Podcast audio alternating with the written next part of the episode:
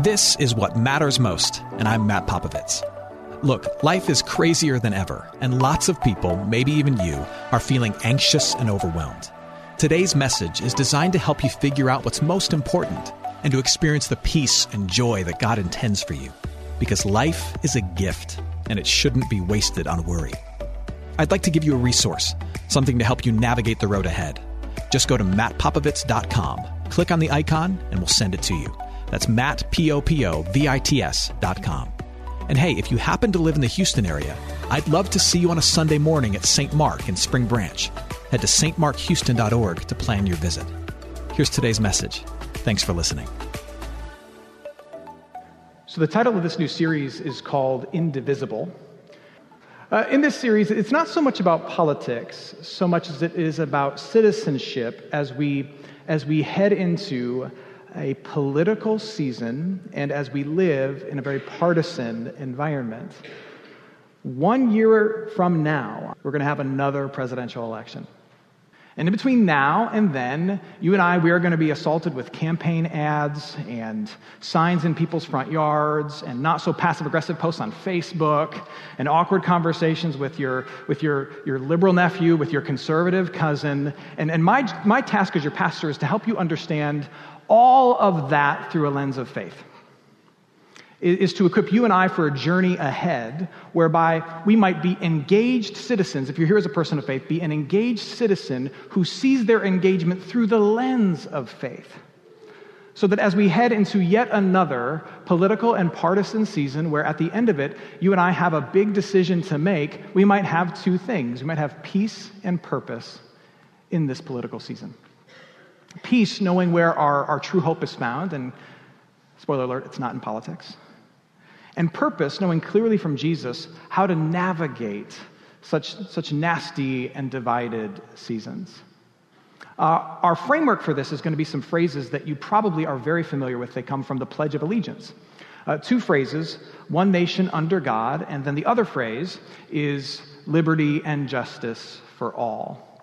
Let's start with that first phrase one nation under God. How is it that a person of faith, a follower of Jesus, should view those words? How should they see those words?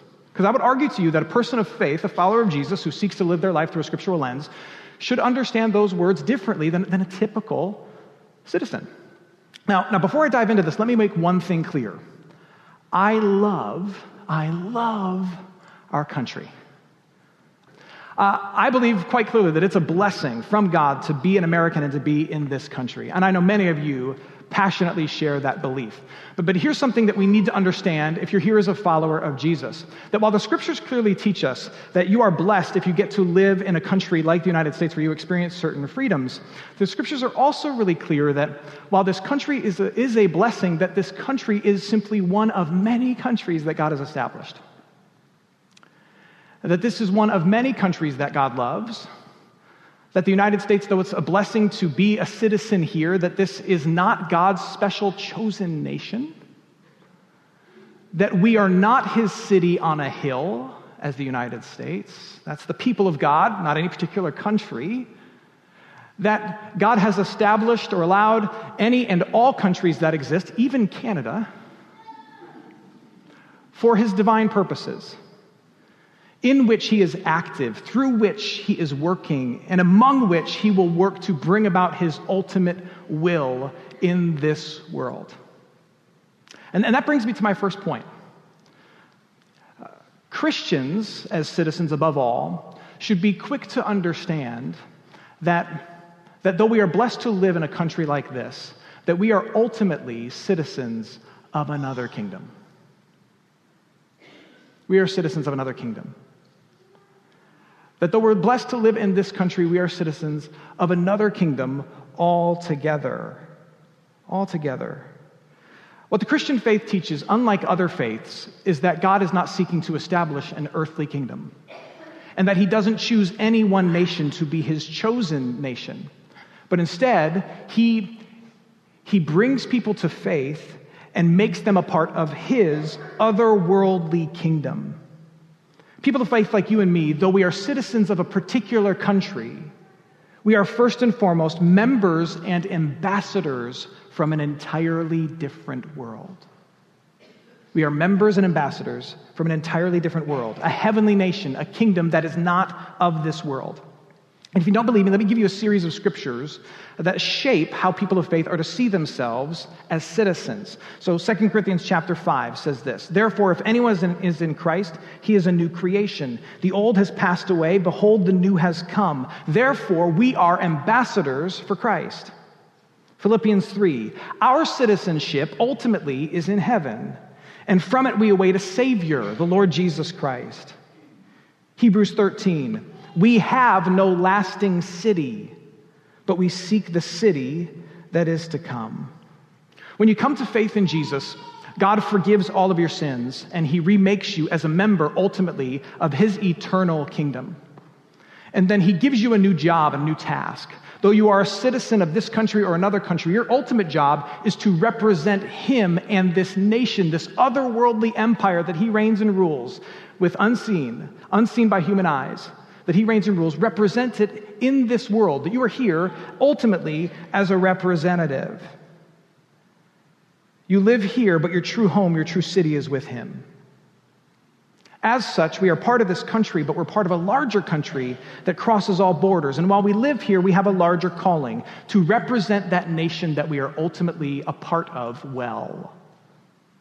It reminds me of, of what we say as parents to our children when we drop them off at school or at a friend's house to stay the night.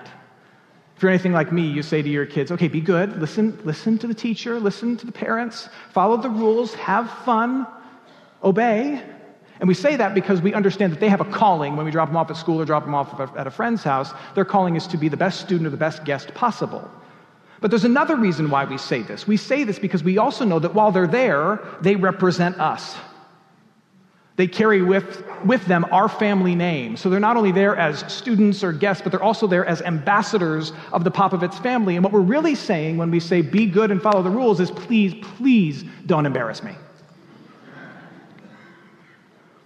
So here's what I want you to know. If you're here as a Christian, your primary vocation above citizen of this country is that of citizen of God's kingdom. That's your ultimate vocation. And your task here is to represent him well in and through your American citizenship, not just because he deserves it, which he does, but because he promises to work through you and do some of his otherworldly work through you as you represent him well in this place. Martin Luther, the great reformer, went so far as to say that Christians are little priests in whatever country in which they reside. Not priests in the Roman Catholic sense, but priests in the sense that you and I are agents of mercy and grace that comes from this other kingdom that we are ultimately members of in whatever kingdom we temporarily reside. Jesus even went so far as to say this. He gives us clear direction on how best to live out and represent his kingdom. In John chapter 13, he says, And they will know that you are my disciples by how you vote. Oh, wait, that's not what he says at all, is it? They will know that you are my disciples, members of my kingdom, by how you love, if you love one another. So here's the first thing I want to drill down for you. As you head into another political year, keep this in mind. If in my love for this nation, which is good, I am unkind, uncaring, impatient, and argumentative, then I am betraying my true nation which is mercy and grace filled. And I am denying my true calling, which is to love. To love. Now, if you flip through the Bible and study what God says about your role as earthly citizens, you'll find things like this obey earthly authorities and pray for those in power.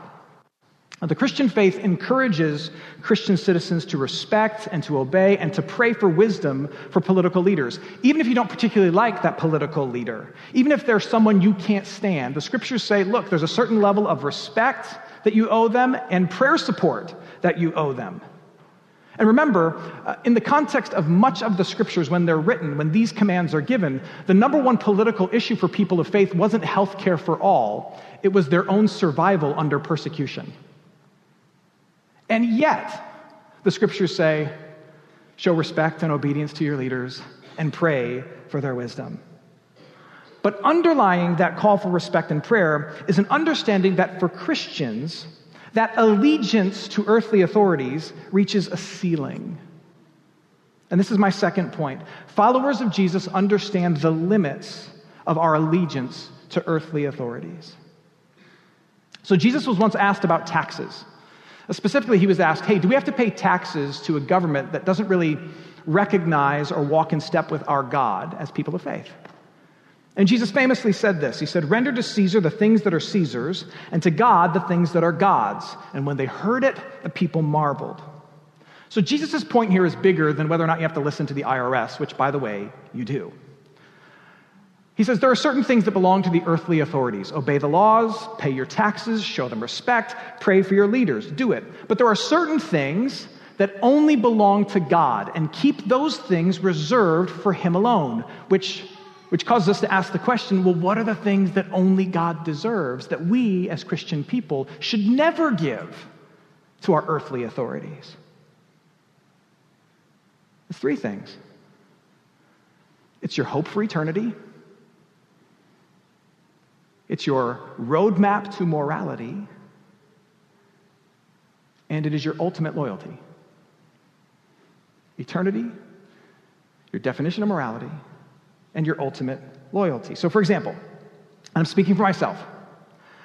I will not place my hope in government for things that they cannot deliver, namely a right relationship with God or a clear conscience as a broken man.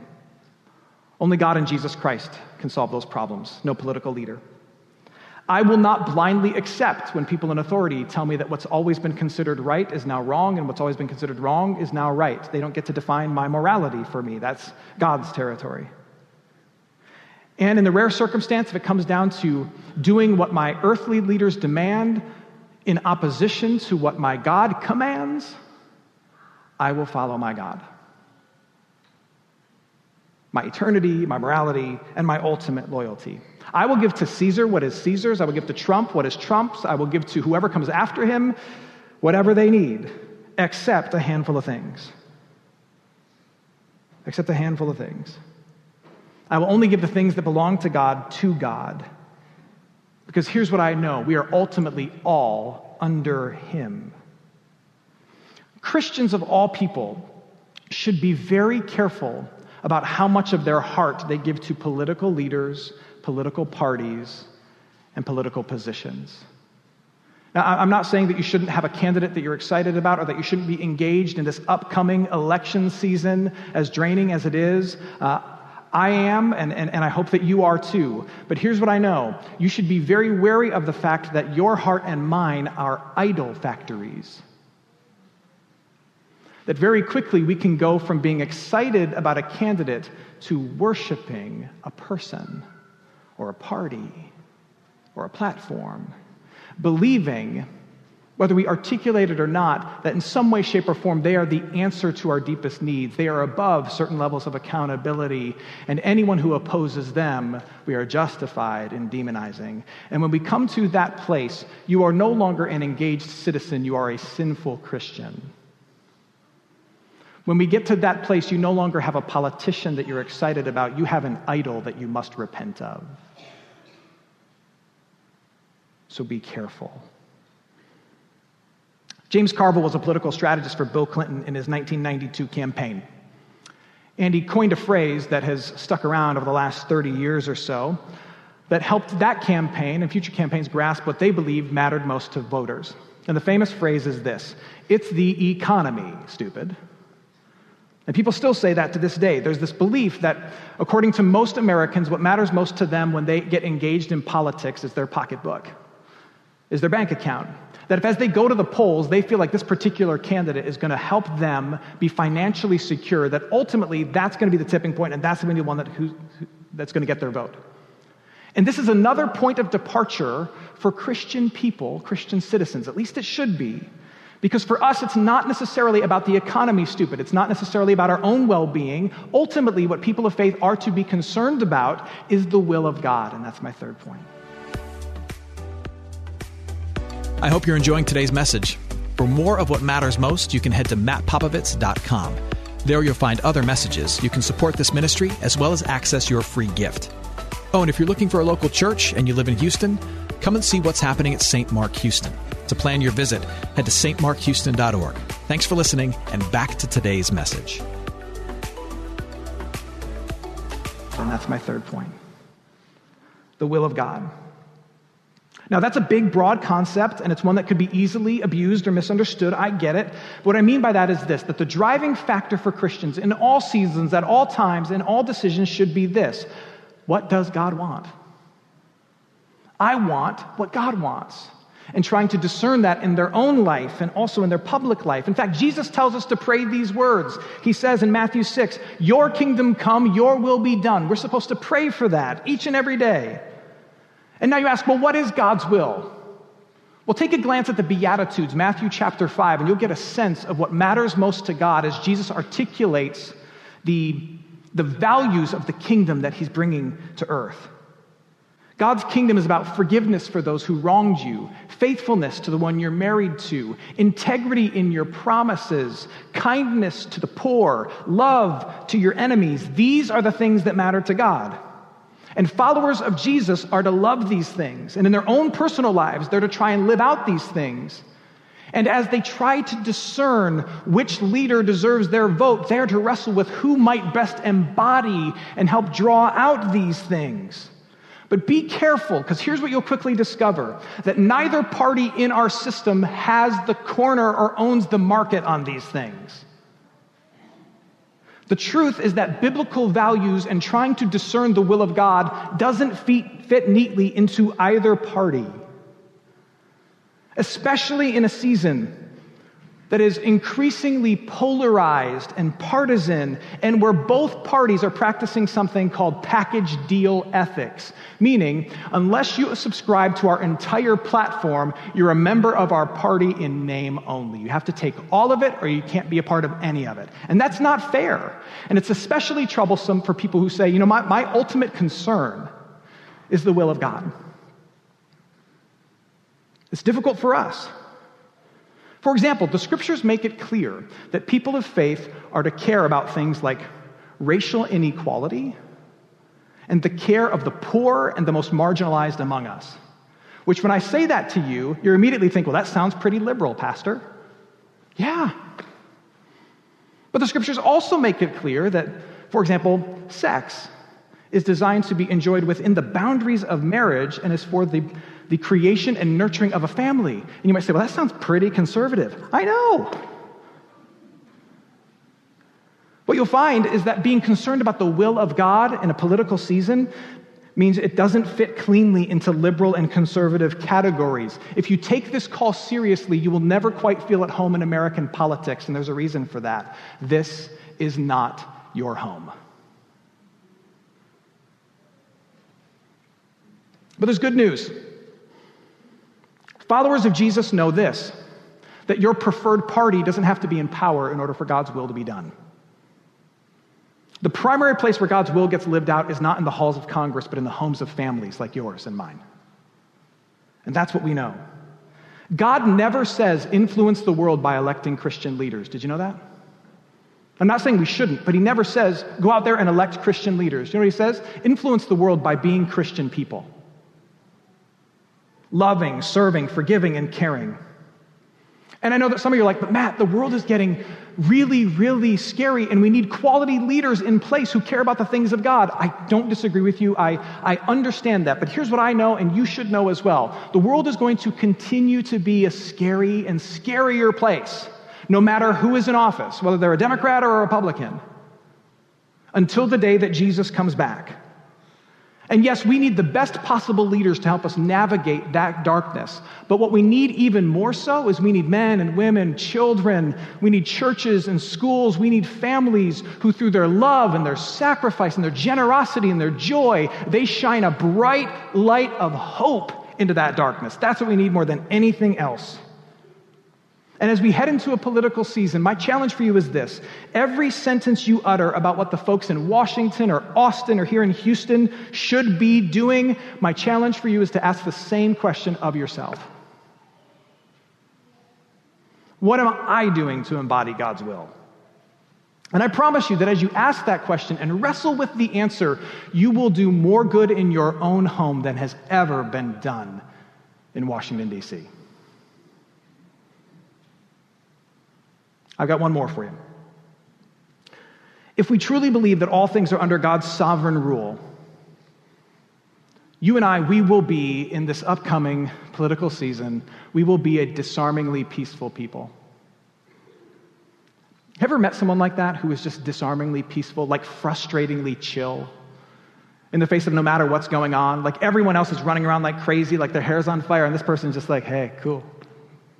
It's gonna be all right. And you wanna shake them, like, don't you understand what's at stake here? My assertion to you is that Christian people, especially in times like ours, we are to be the frustratingly peaceful, disarmingly peaceful people. And how can we be that way? Because here's what you and I know. Here's what we know. We know that no matter which party holds office, our God holds the world.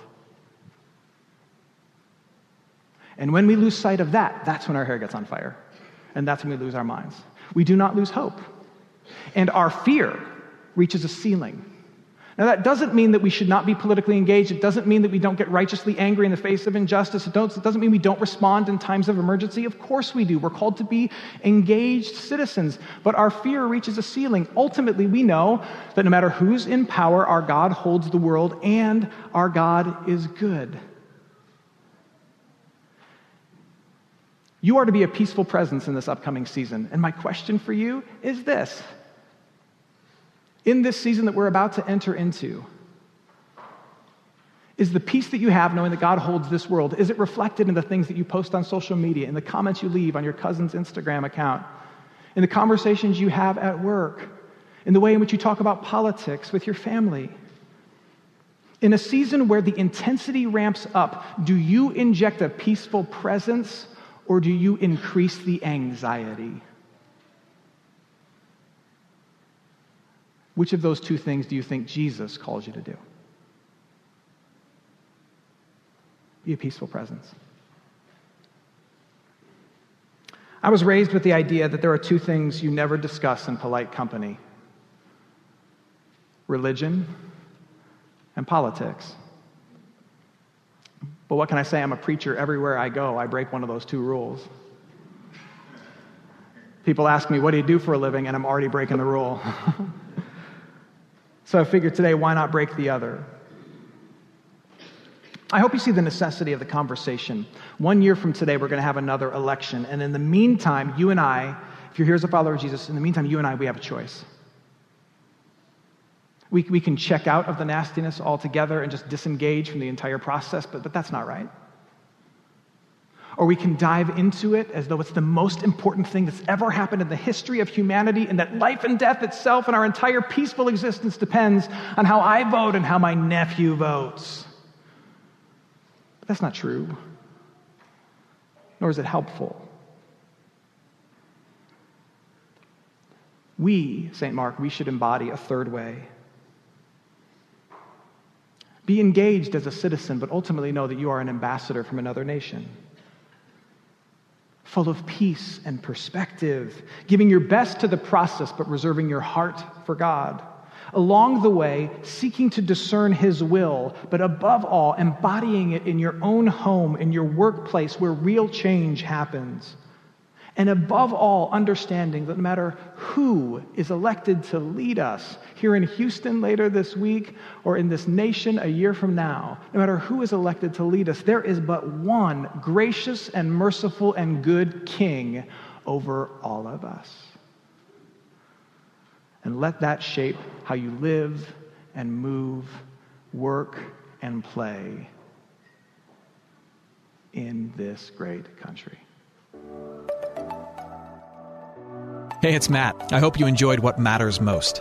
Here's what I need you to know life is a gift, and it shouldn't be wasted on worry. I want to help you figure out what's most important and to experience the peace and joy that God intends for you. So, for more content, you can head to mattpopovits.com. That's Matt, P O P O V I T S.com. There, you can also support this ministry as well as access your free resource, a little something to help you navigate the road ahead. I'd also love to see you on a Sunday morning. If you're in the Houston area, head to stmarkhouston.org to plan your visit. In the meantime, Hit me up on Instagram at mpopovits or at facebook.com slash Ministries. Thanks for listening. Now go and hold tight to what matters most.